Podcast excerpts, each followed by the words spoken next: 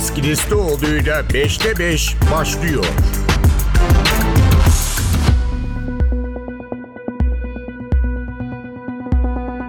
Merhaba, 5'te 5 ile karşınızdayız. Ben Deniz Kilislioğlu. Bu hafta Türk-Amerikan ilişkilerini konuşacağız programda. Üstelik özel de bir konuğumuz olacak. Malum Ankara-Washington ilişkileri zaman zaman inişler çıkışlar yaşıyor. Ama herhalde hiçbir dönem bu kadar büyük krizlerle sınanmamıştı ve iki ülke hiç bu kadar sıklıkla karşı karşıya gelmemişti.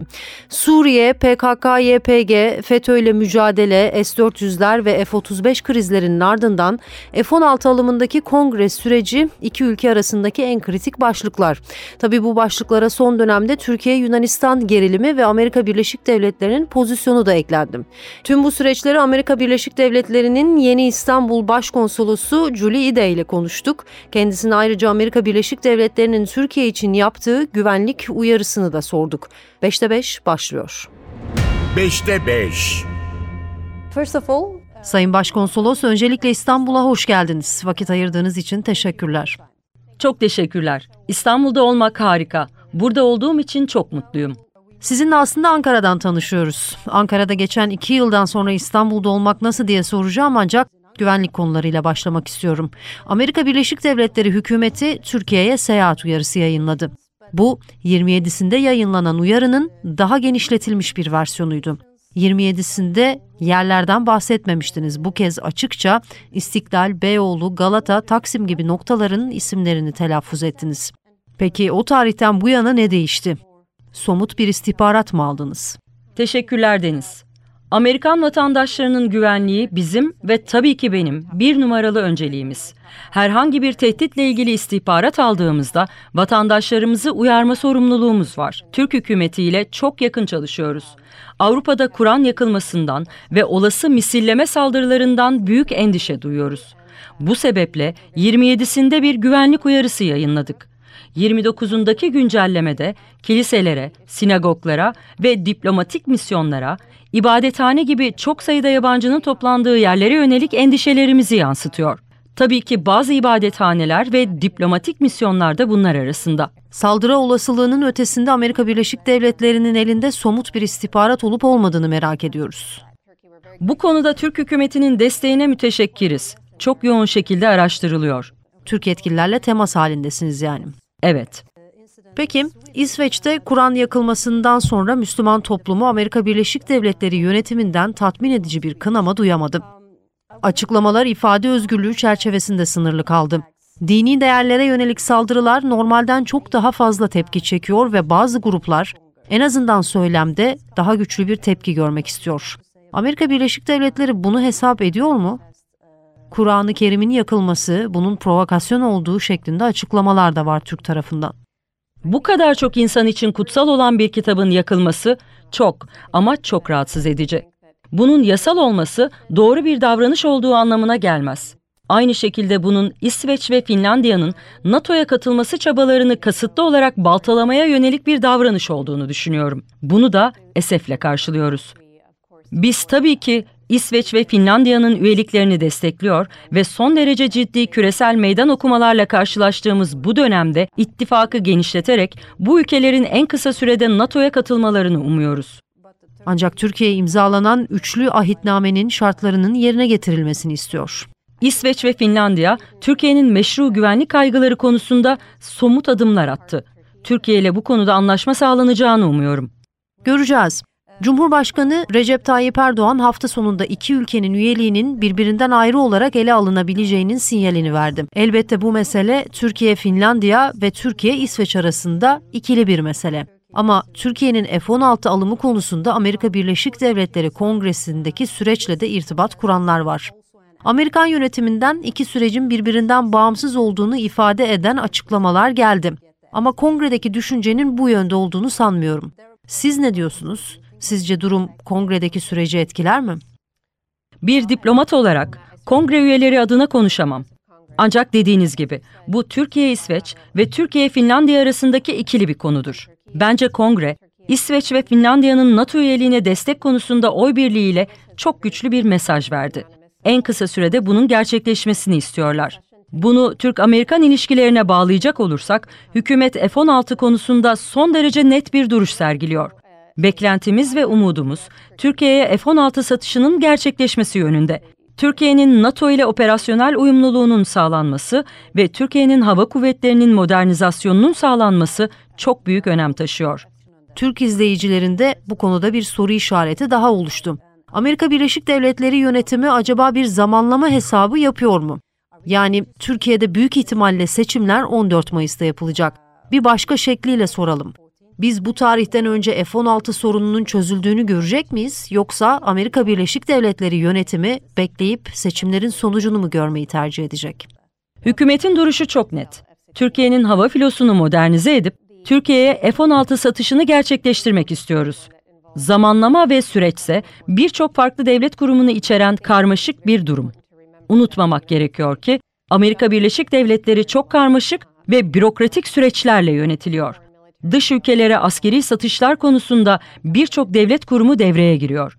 Hızlı bir süreç değil ve herhangi bir dış ülkeye satış kesinleşip kongreye bildirilmeden yorum yapmam da maalesef mümkün değil. Zaman alacak gibi görünüyor sanırım.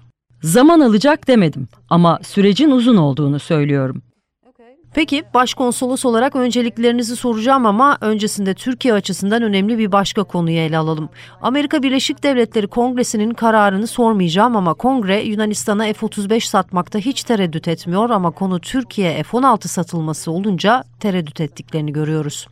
Türk kamuoyunda ortak bir anlayış demeyelim ama genel olarak bir kanı oluştu. Eskiden Amerika Birleşik Devletleri İncirlik'te üstlendiğinde NATO'nun doğu sınırı Türkiye'de bitiyordu ama Amerika Birleşik Devletleri şimdi o sınırı Yunanistan'a çekti şeklinde yorumlar var. Amerika Birleşik Devletleri yetkililerinden birçok kez aksi dillendirildi ancak hala birçok Türk yetkili Amerika Birleşik Devletleri'nin tarafsızlık politikasından vazgeçtiğini düşünüyor. Ne dersiniz? Amerika Birleşik Devletleri her iki NATO müttefiki Yunanistan ve Türkiye ile ilişkilerine çok büyük önem veriyor. Yunanistan ve Türkiye arasındaki her türlü anlaşmazlık güçlü NATO müttefikleri olan iki ülke arasında çözülmeli. Zira her ikisi de Amerika Birleşik Devletleri'nin önemli stratejik ortakları. Türkiye'den baktığınız zaman Amerika'nın özellikle askeri anlamda Yunanistan'a tam desteği bu konuda çok da yardımcı olmuyor ama. Bence şu anda tüm müttefiklerimiz bir numaralı dış politika önceliğimize odaklanmış durumda. Rusya'nın işgalini durdurmak. Bunun yanında NATO misyonlarına destek olunması da çok önemli. Ukrayna Savaşı'nı soralım o zaman. Amerika Birleşik Devletleri ve bazı müttefikler Ukrayna'ya uzun süredir talep ettikleri tankları gönderme kararı aldılar. Bu adım savaşın gidişatını değiştirir mi? Zira Ukrayna Savaşı'nın neredeyse birinci yıl dönümündeyiz. Putin'in bu kararlara dönük daha sert tepkisi sizi endişelendiriyor mu?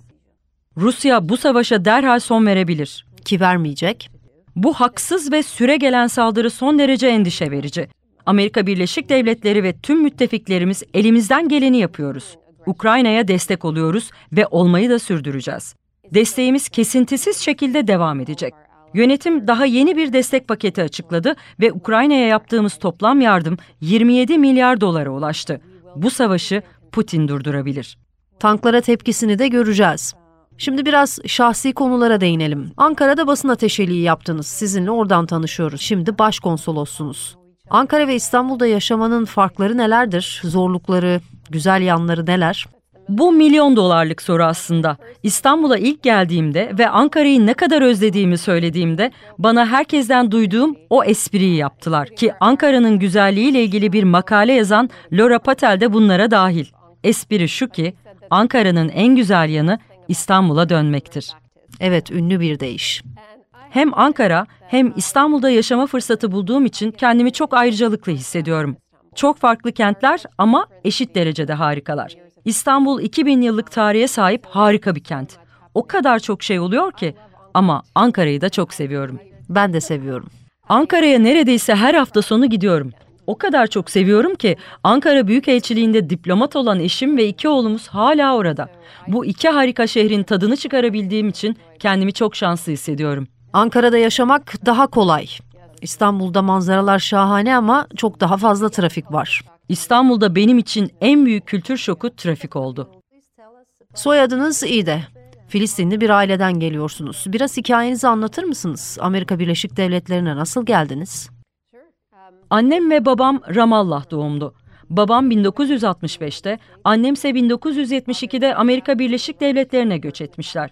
Yaşım ortaya çıkıyor ama Amerika Birleşik Devletleri'nde ilk doğanlardan biri olduğumu söyleyebilirim. Büyük dedelerim daha iyi yaşam şartları için Amerika Birleşik Devletleri'ne gelmişler ve annem Tel Aviv'den Chicago'ya bir kış günü uçakla gitmiş ve gider gitmez bir fabrikada işe başlamış. Babam da aynı şekilde. Onun ailesi de Cleveland'a gitmiş. Ben alçak gönüllülük, sıkı çalışma ve azim değerleriyle büyüdüm. Güçlü geleneklere sahip bir ailede büyüdüm. Aslen Filistin Ortodoksuyuz. Amerika Birleşik Devletleri'ne göç eden Filistinliler olarak hep bir aradaydık. Türk kültürüyle de birçok ortak noktamız var. Bu sebeple burada kendimi evimde gibi hissediyorum. Babam ve annem kafana koyup çok çalışırsan her şeyi başarabilirsin düşüncesinin çok güçlü savunucularıydı. Ve işte buradayım. Amerika'nın İstanbul Başkonsolosuyum. Ve bu gerçekten bir rüyanın gerçek olması gibi. Amerikan rüyasının bir yansıması. Master yapmayı bir yana bırakın, ailemde üniversiteye ilk giden kişi bendim. Tabii fedakarlıklar ve çok emek var. Bunun yanı sıra derine işlemiş öğretiler var. Kültürüme, tarihime ve geleneklerime derin bir sevgi besliyorum. Bu benim kanımda var. Ama bir Amerikalı olduğum için de gurur duyuyorum. Ebeveynlerimiz bize yuvamızı ve yetiştiğimiz kültürü kucaklamayı öğrettiler. Son sorum yine geçmişinizle ilgili. Filistin Türkiye için hassas bir konu ve Türkiye-İsrail ilişkilerinde de hep önemli bir konu başlığı. İzleyicilerimiz merak edecektir. Filistin kökenli bir Amerika Birleşik Devletleri Dışişleri Bakanlığı diplomatı olarak bu meselede tam olarak nerede duruyorsunuz? Başkan Biden'ın da birçok kez söylediği gibi dikkatli bir şekilde müzakere edilmiş iki devletli çözümle İsrailli ve Filistinlilerin eşit haklara sahip olacağı, barış ve refah içinde yaşamasından yanayım. Sayın Başkonsolos yayınımıza katıldığınız ve değerli yorumlarınız için teşekkürler. Ben teşekkür ederim. Dipnot Programı dipnotlarla kapatalım. Amerika Birleşik Devletleri'nin İstanbul Başkonsolosu ile ilgili bazı bilgiler paylaşalım. Kendisi Filistin asıllı. Röportajda da aktardığımız üzere Amerika Birleşik Devletleri'nin Ohio eyaletinde doğdu. 2004-2008 yılları arasında Amerika Birleşik Devletleri'nin Suudi Arabistan, Kudüs, Lübnan ve Irak büyükelçiliklerinde ve başkonsolosluklarında görev yaptı. 2010-2012 yıllarında Amerika Birleşik Devletleri Şangay Başkonsolosluğunda çalıştı. 2012-2016 yılları arasındaysa Doha Büyükelçiliğindeydi. 2017-2020 yılları arasında Amerika Birleşik Devletleri'nin Hong Kong Başkonsolosluğunda siyasi birim şefi oldu. 2021-2022 yılları arasında da Amerika Birleşik Devletleri'nin Ankara Büyükelçiliğinde basın ateşesi olarak görevliydi. Sonrasında da İstanbul Başkonsolosu oldu.